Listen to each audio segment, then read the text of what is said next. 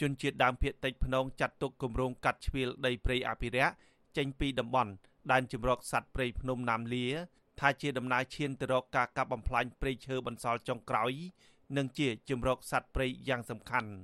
ពួកគេសង្កេតឃើញថាតំបន់ដែលអាជ្ញាធរសុំកាត់ជ្រៀលនៅគៀកព្រំដែនកម្ពុជាវៀតណាម ជាទ្រព្យសម្បត្តិធម្មជាតិរួមមានថ្មបុរាណទឹកជ្រោះសត្វព្រៃព្រៃស្រោងទឹកអូរធម្មជាតិរុក្ខជាតិកម្រមានតម្លៃ និងប្រជុំកូនភ្នំតាក់ទាញភ្ញៀវទេសចរសមាជិកបណ្ដាញសហគមន៍ជនជាតិដើមភាគតិចលោកស្រីយ៉ាយ៉ានីមិនគ្រប់គ្រងគម្រោងកាត់ជ្រៀលនេះទេព្រោះប៉ះពាល់ព្រៃអភិរក្សយ៉ាងសំខាន់និងរំខានជីវិតសត្វព្រៃជាច្រើនប្រភេទលើពីនេះតំបន់ដែលអាជ្ញាធរស្នើកាត់ជ្រៀលជាប្រភពអាស្រ័យផលព្រៃឈើរបស់ជនជាតិដើមភាគតិច មានចំការវិលជុំនិងស្លឹករុក្ខជាតិកម្រដែលហៅថាស្លឹកព្រាបដែលគេយកទៅធ្វើម្ហូបអាហារ លោកស្រីបារម្ភថាប៉ះសិនបើរដ្ឋាភិបាលកាត់ជ្រៀលតំបន់នោះនឹងប៉ះពាល់ប្រភពចំណូលរដ្ឋហើយអាចឈានដល់ការរំលោភសិទ្ធិជនជាតិដើមភាគតិចមិនបានចាំបាច់អភិវឌ្ឍទេកន្លែងសំខាន់សំខាន់អញ្ចឹងចាអ្វីដែលបងព្រៀបបារម្ភមកខ្លាចបាត់បង់ធនធានធនជាតិបាត់បាត់បង់ពិសេសតកិច្ចជាដើមភាគតិចខ្លាចពេលអស់ព្រៃឈើពេលអីចឹងវាអត់មានអនុផលទៀតទេដើម្បីប្រកបរកបានទៀតអញ្ចឹងណាកាលពីខែកុម្ភៈឆ្នាំ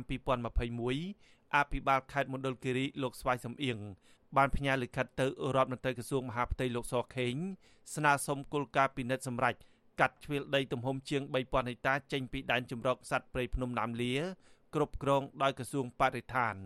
សំណើនេះបង្ហាញពីកម្មវត្ថុរៀបចំហេដ្ឋារចនាសម្ព័ន្ធរដ្ឋបាលច្រកព្រំដែនថ្មី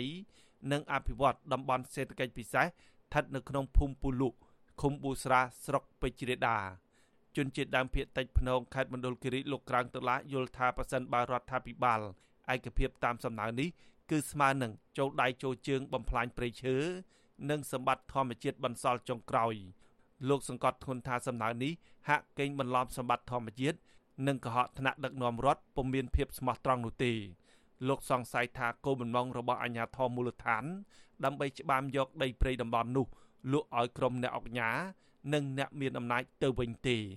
ព្រោះយើងឃើញសំណើច្រើនណាសំណើតាំងពីដីស្គមមកកិច្ចចុះឡើងចុះឡើងគឺសិតតែអ្នកមានទាំងអស់ទទួលបានដីនឹងហើយអ្នកក្រក្រគឺអត់បានសំណើគឺសំណើសិតតែសុំអ្នកក្រហើយអាអ្នកដែលមានឈ្មោះហ្នឹងអត់មានដីទេអាញាធរថ្នាក់មូលដ្ឋានហ្នឹងគឺតែងតែធ្វើ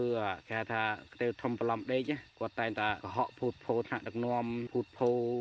ពីចំគាត់ប្រកែធ្វើរបាយការណ៍ហ្មងធ្វើរបាយការណ៍កុហកអាស៊ីសេរីមិនអាចសុំការបំភ្លឺរឿងនេះពីអ្នកនាំពាក្យសាលាខេត្តមណ្ឌលគិរី លោកសៀកសុផាននិងអភិបាលខេត្តនេះលោកស្វាយសំអៀងបាននៅឡើយទេ នៅថ្ងៃទី26ខែមេសាដោយទូរស័ព្ទចូលពុំមានអ្នកទទួលចំណែកឯអ្នកនាំពាក្យក្រសួងបរិស្ថានលោកនេតភត្រានិងប្រធានមន្ត្រីបរិស្ថានខេត្តមណ្ឌលគិរីលោកកៅសុភ័ក្រក៏មិនអាចតាក់ទងដើម្បីសុំការអធិប្បាយបានដែរប៉ុន្តែលោកកៅសុភ័ក្របានប្រាប់កាសែតក្នុងស្រុកថាសំណើនេះមិនទាន់មានសេចក្តីសម្រេចពីថ្នាក់លើនៅឡើយទេ លោកទទួលស្គាល់ថាប្រសិនបើប្រមុខរដ្ឋាភិបាលយល់ព្រមកាត់ជ្រៀលពិតមែនពិតជាប៉ះពាល់ធនធានធម្មជាតិដែលទាមទារឲ្យមានការសិក្សាពីផលប៉ះពាល់ធនធានធម្មជាតិលើផ្ទៃដីជាង3000ហិកតានេះលោកបញ្ជាក់ថាច្រកទ្វារព្រំដែនចាស់មិនទាន់មានវាលសម្រាប់ធ្វើហេដ្ឋារចនាសម្ព័ន្ធរដ្ឋបាលច្រកព្រំដែនធំនៅឡើយទេព្រោះតំបន់នោះគ្របដណ្ដប់ទៅដោយក្រុមហ៊ុនកៅស៊ូបារាំងចំណែកអភិបាលខេត្តមណ្ឌលគិរីលោកស្វាយសំអៀងវិញ លើកឡើងនៅក្នុងលិខិតស្នើសុំនោះថាទីតាំងរដ្ឋបាលច្រកទ្វារព្រំដែនទ្វេភាគីណាមលាបច្ចុប្បន្នហុំព័ទ្ធទៅដោយដីសម្បត្តិសេដ្ឋកិច្ចរបស់ក្រុមហ៊ុនឯកជនវិនិយោគដាំដើមកៅស៊ូតូចង្អៀតពុំអាចរៀបចំតំបន់រដ្ឋបាលឲ្យបានសមរម្យនៅឡើយទេលោកបានបន្ថែមថាការរៀបចំសាងសង់រដ្ឋបាលច្រកទ្វារព្រំដែនថ្មីនេះនឹងចូលរួមចំណែកជំរុញសេដ្ឋកិច្ចជាតិលើកកម្ពស់ជីវភាពប្រជាពលរដ្ឋនិងប្រែក្លាយតំបន់នោះទៅជាព្រំដែនសន្តិភាព កិច្ចសហប្រតិបត្តិការនិងការអភិវឌ្ឍទោះជាយ៉ាងណាជនជាតិដើមភាគតិចភ្នងលោកខ្លានថូលភ្ញាក់ផ្អើលនៅពេលដែលឃើញសំណើនេះព្រោះតំបន់ដែលអាជ្ញាធរស្នើសុំកាត់ជ្រៀលនោះបង្កគ្រោះថ្នាក់ខ្លាំងដល់កន្លែងអាស្រ័យផលព្រៃឈើយ៉ាងសំខាន់របស់ជនជាតិដើមភាគតិចភ្នងរាប់ពាន់គ្រួសារលោកថាមកដល់ពេលនេះអាជ្ញាធរមិនទាន់ហៅតំណាងជនជាតិដើមភាគតិចចូលទៅពិភាក្សាដើម្បីសម្រេចលើបញ្ហានេះនៅឡើយទេលោកស្នើឲ្យអាជ្ញាធរផ្ដល់សិទ្ធិដល់ជនជាតិដើមភាគតិច ចូលរួមសម្រេចចិត្តលើគម្រោងនេះកាត់ខ្វៀលក្តយបើសិនប៉ះពាល់កន្លែងជ្រពីផ្សិលក្រតូចនឹងពួកខ្ញុំតវ៉ាពួកខ្ញុំមិនដឹងតវ៉ាដើម្បីការរស់នៅការហូបចុករបស់ប្រជាពលរដ្ឋសង្ឃឹមទៅលើធនធានធម្មជាតិទេទៅឆាប់ថ្ងៃនេះគ្មានក្រៅពីតំបន់ភូមិភ្លុកហ្នឹងអត់មានតំបន់ផ្សេងទៅទេបន្លែធនធានធម្មជាតិនៅសល់មួយកន្លែងដូចហ្នឹងទេយ៉ាងក្រៅពីហ្នឹងអត់មានទាំងអស់ជុំវិញរឿងនេះមន្ត្រីសង្គមស៊ីវិលសង្កេតឃើញថា ដែនជំរកសត្វព្រៃដែលអាជ្ញាធរស្នើសុំកាត់ជ្រៀលមានតំបន់ខ្លះគេឃើញមានការឈូសឆាយទន្ទ្រានដីព្រៃជាកម្មសិទ្ធិអស់ជាច្រើនហិកតាពុំឃើញមានអាជ្ញាធរដោះស្រាយនិងស្រាវជ្រាវរកអ្នកពាក់ព័ន្ធមកអនុវត្តច្បាប់នៅឡើយទេពួកគេថាសំណើនេះគឺជាគម្រោងលុបបំបាត់ដានអក្រិតកម្មព្រៃឈើហើយអាចផ្ដល់កម្មសិទ្ធិដីធ្លីស្របច្បាប់ឲ្យអ្នកមានអំណាចមន្ត្រីពង្រឹងសិទ្ធិអំណាចសហគមន៍មូលដ្ឋាននៃសមាគមអាត6លោកប៉ែនបណ្ណាបារម្ភថាសំណើនេះ មិនចំគោលដៅស្នូលដើម្បីអភិវឌ្ឍពិតប្រាកដនៅឡើយទេផ្ទុយទៅវិញក្រុមអ្នកមានអំណាចនៅតែទទួលផលប្រយោជន៍ពីគម្រោងខ្នាតធំនេះលោកទាមទារឲ្យរដ្ឋាភិបាលសិក្សាពីផលប៉ះពាល់បរិស្ថាននិងសង្គមឲ្យបានច្បាស់លាស់រដ្ឋាភិបាលជាអ្នកគិតគូរហើយជាអ្នកទទួលខុសត្រូវចំពោះមុខវត្តសាស្ត្រហើយពីព្រោះប្រជាពលរដ្ឋយើងមិនទាន់កើនដល់ចំណុចណាមួយដែលត្រូវបង្កើន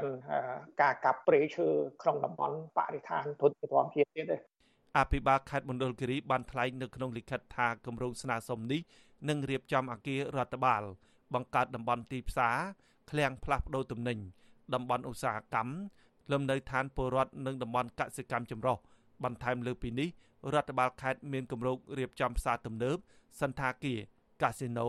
ឃ្លាំងស្តុកទំនិញស្ថានីយចម្រោះទឹកស្អាតកសិដ្ឋានបណ្ដោះកូនឈើនិងដាំស្ដារព្រៃឈើឡើងវិញជាដើម ទីតាំងដែលអាជ្ញាធរគ្រងអភិវឌ្ឍនេះស្ថិតក្នុងដែនជម្រកសត្វព្រៃភ្នំណាមលាទទួលស្គាល់ដោយព្រះរាជកិច្ចតាំងពីឆ្នាំ1993គ្រប់គ្រងដោយក្រសួងបរិស្ថានដែនអភិរក្សនេះមានផ្ទៃដីជាង50000ហិកតាស្ថិតនៅក្នុងឃុំប៊ូស្រាស្រុកពេជ្រជាដាលាតសន្ធឹងជាប់ប្រទេសវៀតណាមខ្ញុំបាទហេងរស្មី អាស៊ីសេរីពីរដ្ឋធានី Washington